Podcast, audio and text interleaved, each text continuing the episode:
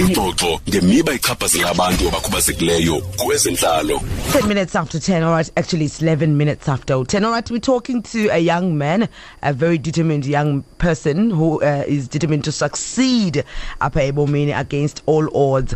Kukabelo Rantulowo. Kabelo siyakwamkele enkqubeni. molo sisi njani Ndiphilile nkosi akho nto njani wena?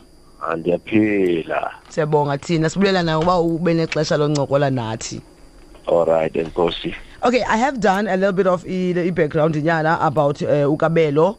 Uh, you know before the accident but ndi- ndiyaqonda uba bafuna uyiva baphulaphuli from you just tell us about uh, life yakho before the accident okay sisi uh, ukabelo before the accident was just like any other youngster from elogishi i had plans and then i had goals to achieve and yeah and i was busy working on establishing ama opportunities with friends to start businesses and yeah and the accident happened and after that yeah life uh, had to to to go on.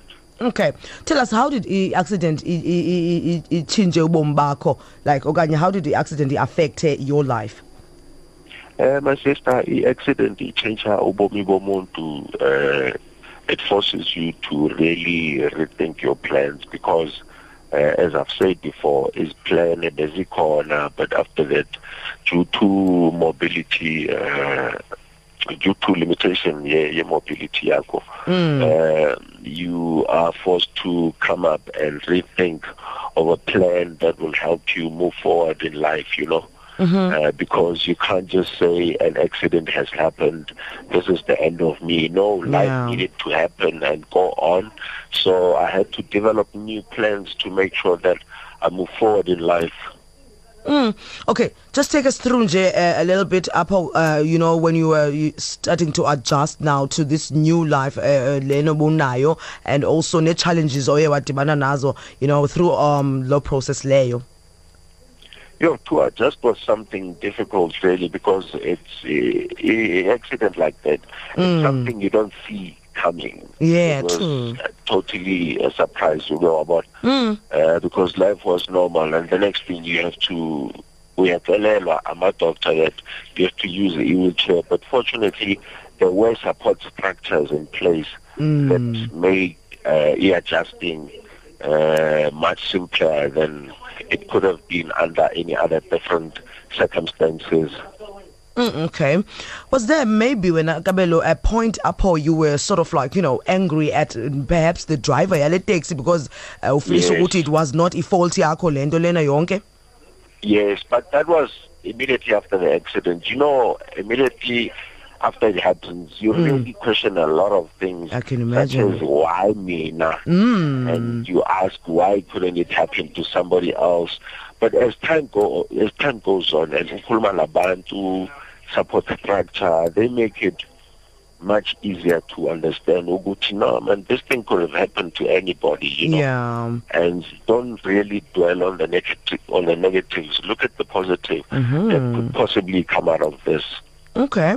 All right. So they say that e, there's never a crisis without a blessing, you know. true. And then it's it, it, it's what happens to you, or it's how you react to such a challenge that uh, makes the journey of life even much uh, simpler. Because in my case, to overcome Lama challenge, Mm. There was a rehab I had to attend, and then while attending a rehab, for example, I was informed about bursaries for people with disabilities, Yeah. and I I, I, took- I, t- I definitely took advantage of those, and because I knew that with education, it could help me uh, improve the, the state of my life, and uh, indeed that that uh, did happen. Mm. Okay. So currently now, uh, Ukabelo, what are you up to? What are you doing with your life now? You know, since Chubananje, tell us about the present now. Currently, Ukabelo is working at the Road Accident Fund. Uh, fortunately, it's an organization. It's an organization that helps with uh, AMA rehab or putting people that were involved in an accident, uh, trying to take back their lives and get back to normal. So Ukabelo is working at the Road Accident Fund and continuing with his studies. As I've said before, Yeah. I was introduced to Amapazari for people with disabilities. Mm-hmm. I, I, I had an opportunity to, to become an, a, a, a graduate and uh, Ukabelo is working on other dreams that could possibly uh, make him a better person. Mm. That's nice. All right. Um, do you think ke ngokunana Kabelo um mhlambi uh, enough is being done to address the challenges that are still faced by abantu who are living with disabilities in South Africa?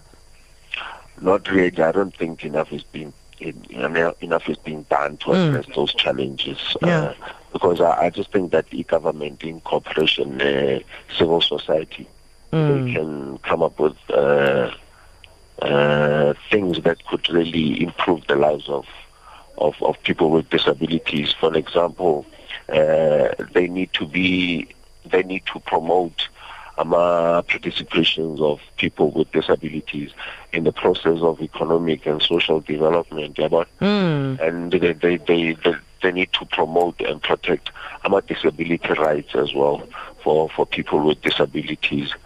And uh, we have to promote our, our opportunities for more especially the youth so that they could uh, get involved and get back into society as well.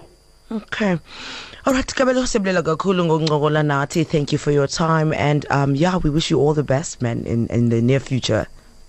Ku- ku- Kubonga mina, my sister, for having me. Okay then. Thank you. Bye. Ezentlalo 9 to 11 a.m. Monday to Friday on Tru FM.